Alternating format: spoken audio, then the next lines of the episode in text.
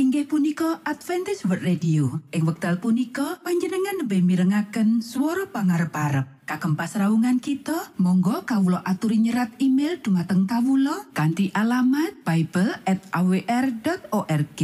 utawi panjenengan uki saged layanan kalian Kawulo lumantar WhatsApp kanti nomor plus setunggal saged layanan kalian Kawulo kalh kalh sekawan kalh kalh kalh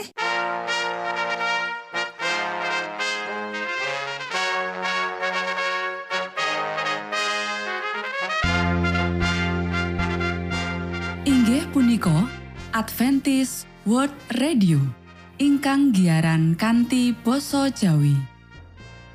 Tentrem Rahayu kula aturaken kagem para mitra kinasih ing pundi papan lan panggonan. Sugeng pepanggian malih kalian Adventist World Radio. Kanti bingahing manah Kulo badi sesarengan kalian poro mitra kinasi. Lumantar saperangan adicara ingkang sampun rinonci. Mligi kagem panjenengan sami. Mugi giaran punika saged migunani tuen dados berkah kagem kita sedoyo. Sugeng midhangetaken Gusti amberkahi.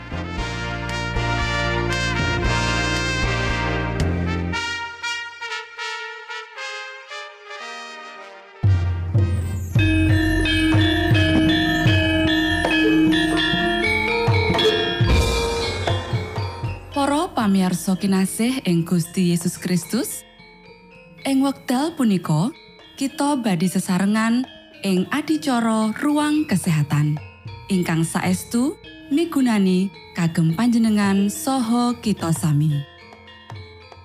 Tips utawi pitedah ingkang dipun aturaken ing program punika tetales dawuhipun Gusti ingkang dipunnyatakaken ing kitab suci. Semanten ugi sakehing seratan ingkang dipun wangsitaken dening Gusti Allah.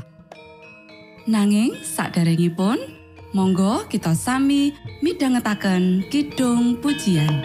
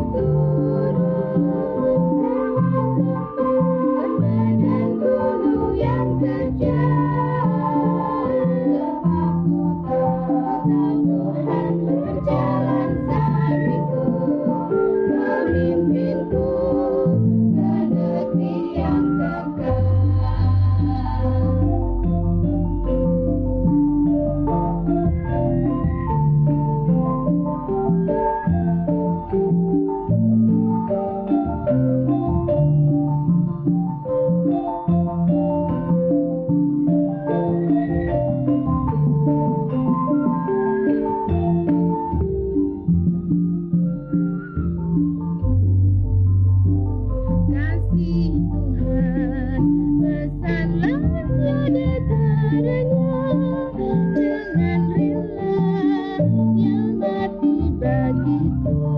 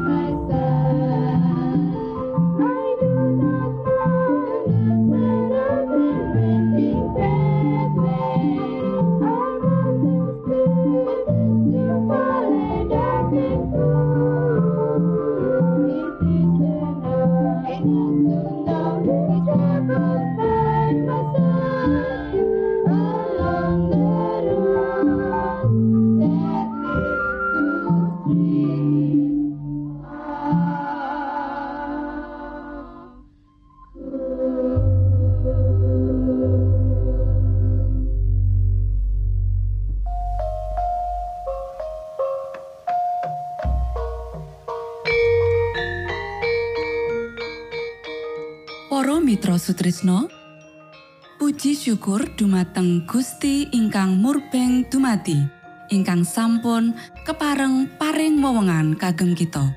Satemah saged nglajengaken ruang kesehatan. Pirembakan kita semangke kanthi irah-irahan. Angger-angger alam kepiye iku diterak.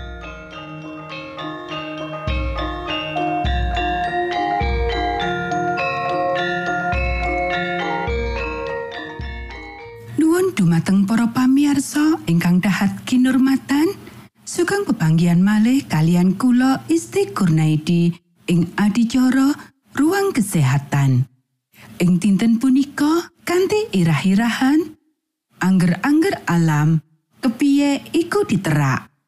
Para sedherek ingkang kinasih, nerak angger-angger kahanan kita kanthi sia-sia mujudake panera angger-anggering Gusti Allah.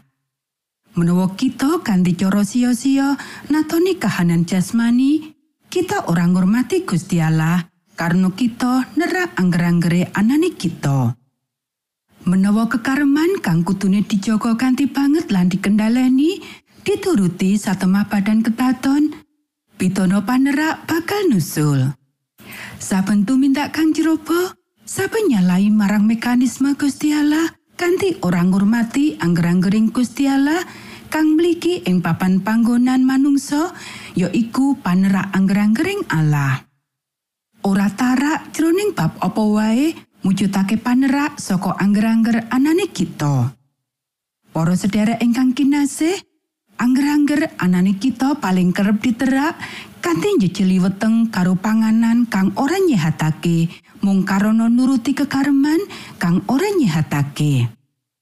Mangan amung kanggo maremake kekareman ya iku nerak angger-angger alam.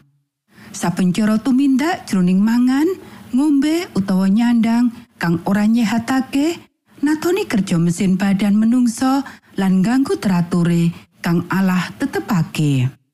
Gangguan kagawe ing balung, otak lan otot kang rusak mesin badan ngiram-iramake iki kang Allah wis dadekake supaya tetep teratur. Saben nyalai kepinteran kerja iki nyebabake kacintrakan utawa sengsara. Gusti Allah ora ngowahi uga ora ngersakake ngowahi organ fisik kita Satemah kita oleh nerak sawijining angger-angger tanpa ngrasakake efek saka panerake. Kanthi nurutake saopa osi ing ati lan karemane, menungso nerak angger-angger panguripan lan kesehatan. Lan menawa dheweke nuruti tembung ati, dheweke kudu dikendhaleni dening prinsip jroning mangan lan nyandang. Ora dituntun dening opah osi ing ati, mode lan kekareman. Para sedherek ingkang kinasih, lali ngobahake sakabehing badan utawa saperangan wae bakal nuntun mring kondisi ora sehat. Orang ngubahake salah sawijining organ badan bakal dieloni karo kurangi jroning ukuran lan kasantosan otot-otot lan bakal nyebabake utawa njalari iline getih ora lancar lewat pembuluh-pembuluh getih. Para sedherek ingkang kinasih, kesehatan ya iku bondo kang aji. Iki ya iku hak darbeni paling larang lan bisa ditarbei makhluk urip. Kasugihan, pakurmatan utawa pawiyatan ora akeh gunane menawa kelangan kesehatan. Ora ana siji wae saka kekayuan iki bisa mertahanake kabagian menawa kesehatan kaganggu. Kesehatan kudu dijogo padha sucine karo karakter utawa watak. Kuasa fisik, mental, lan moral dudu duweke kita dhewe. Ananging disilihake dening Gusti Allah supaya digunakake jroning platosane. Sangsaya sampurno kesehatan kita, mulane bakal sangsaya sampurno makarya kita. Wikatine kesehatan badan kudu diwulangake dadi sawenehe syarat kitab suci. Kabeh kang aku pandhereke Gusti Yesus kudu ngrasakake menawa saweneing tugas mapan ing dheweke kanggo ngrumat badane jroning kondisi kesehatan kang becik supaya pikirane bisa bening kanggo mangerteni bab-bab swarga. Wektu digunakake kanthi becik kang diarahake kanggo nggawe lan ngrumat kesehatan fisik lan mental kang becik.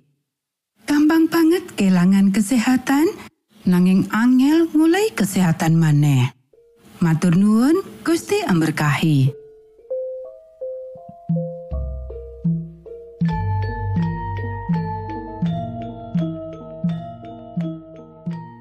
Cekap semanten pimbakan ruang kesehatan ing episode dinten punika.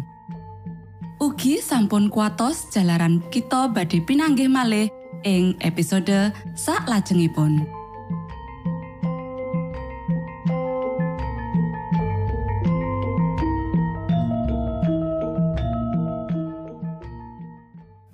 Punika adicara ruang kesehatan. Menawi panjenengan gadah pitakenan utawi ngersakaken katrangan ingkang langkung, monggo kula aturi kinton email dateng alamat ejcawr gmail.com utawi lumantar WhatsApp kanti nomor 025 pitu 00 songo songo papat 00 pitu.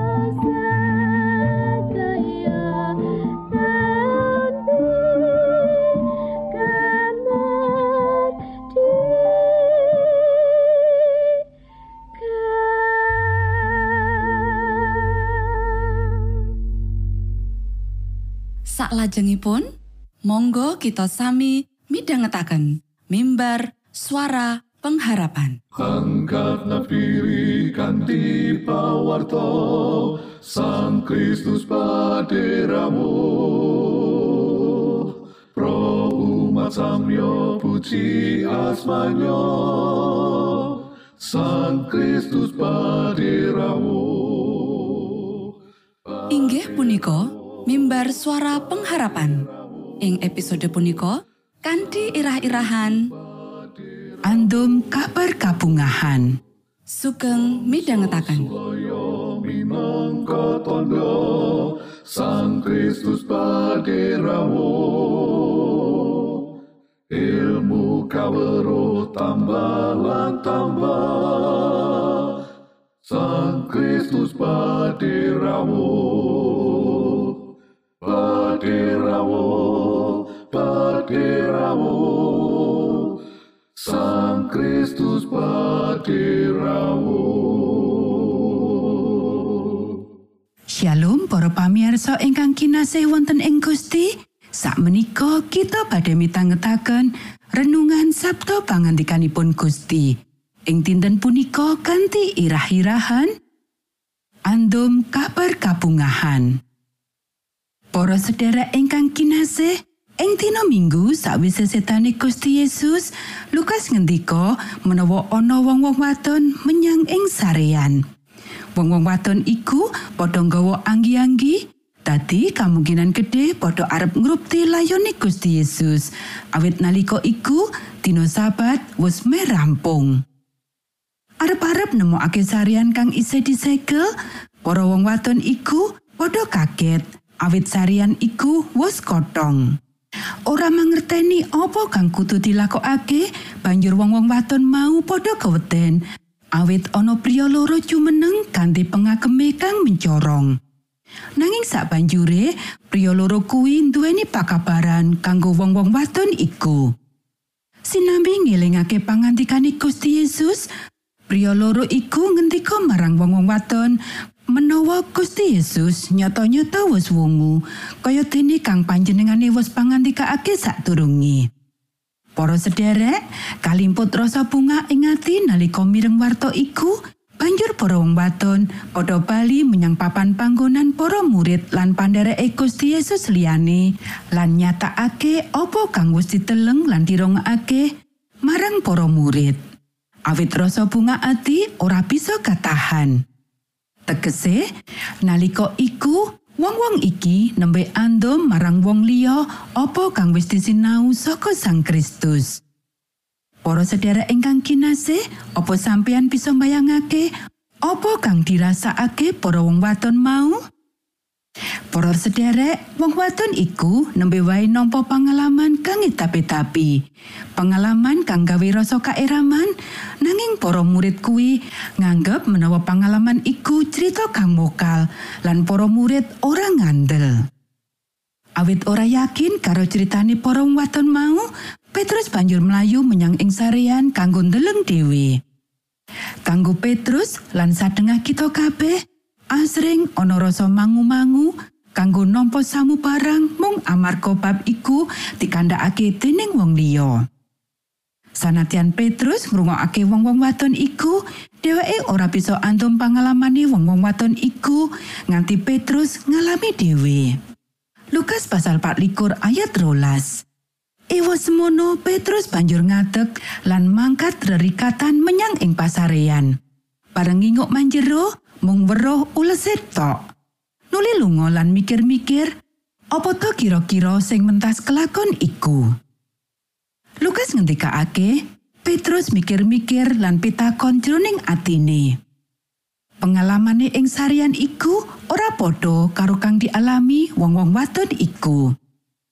Para sedherek ingkang kinasih, beda karo panampane Petrus, kanthi sikro sakwise nampa lan krungu bab wartani Gusti Yesus, wong-wong wadon iku banjur antum pakabaran iku marang wong liyane.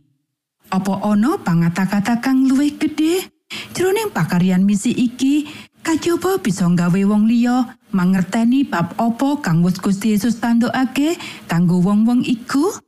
Apa ana pangata-kata kang luwih gedhe kajaba kanggo nyebar kabar kabungahan lan kawilujengan jroning Gusti Yesus siji-sijine pangarep-arep kang kita duweni?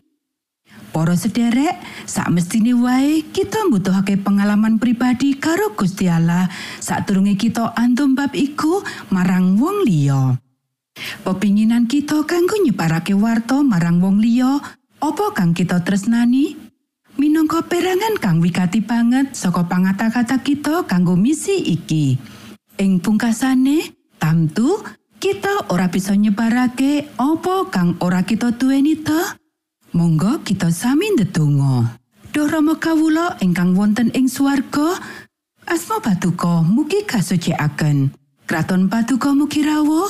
Karsa Patuko mugi kalampahan wonten ing bumi kados dene wonten ing swarga. Kawula mugi kaparingan rejeki kawula sak cekapipun ing dinten punika. So patuko mugi ngapunten kalepatan kawula kados dene kawula inggih ngapunteni tetiang ingkang kalepatan dhateng kawula. Punapa dene kawula mugi sampun ngantos katantukaken dhateng ing panggoda nanging mugi sami patuko uwalaken saking piawon. Awit dene patuko ingkang kagungan kraton saha wisesa tuen kamulyan salami laminipun. Amin.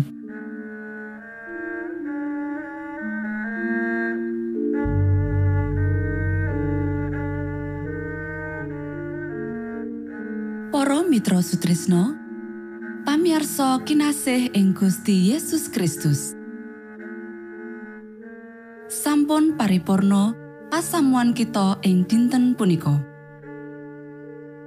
Menawi panjenengan gadah pitakenan utawi ngersakaken seri pelajaran Alkitab suara nubuatan Monggo Kulo aturi kintun email dateng alamat ejcawr at gmail.com utawi lumantar WhatsApp kanti nomor 025 pitu 00 songo songo papat 00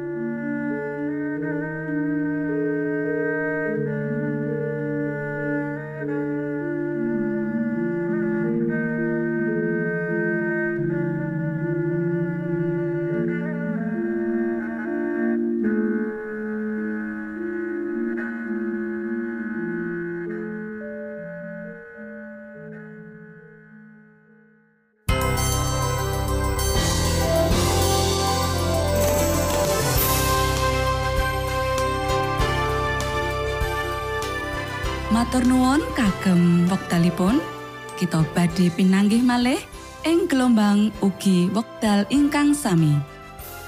Saking studio kula ngaturaken tentrem rahayu. Gusti amberkahi kita sedaya. Maranata.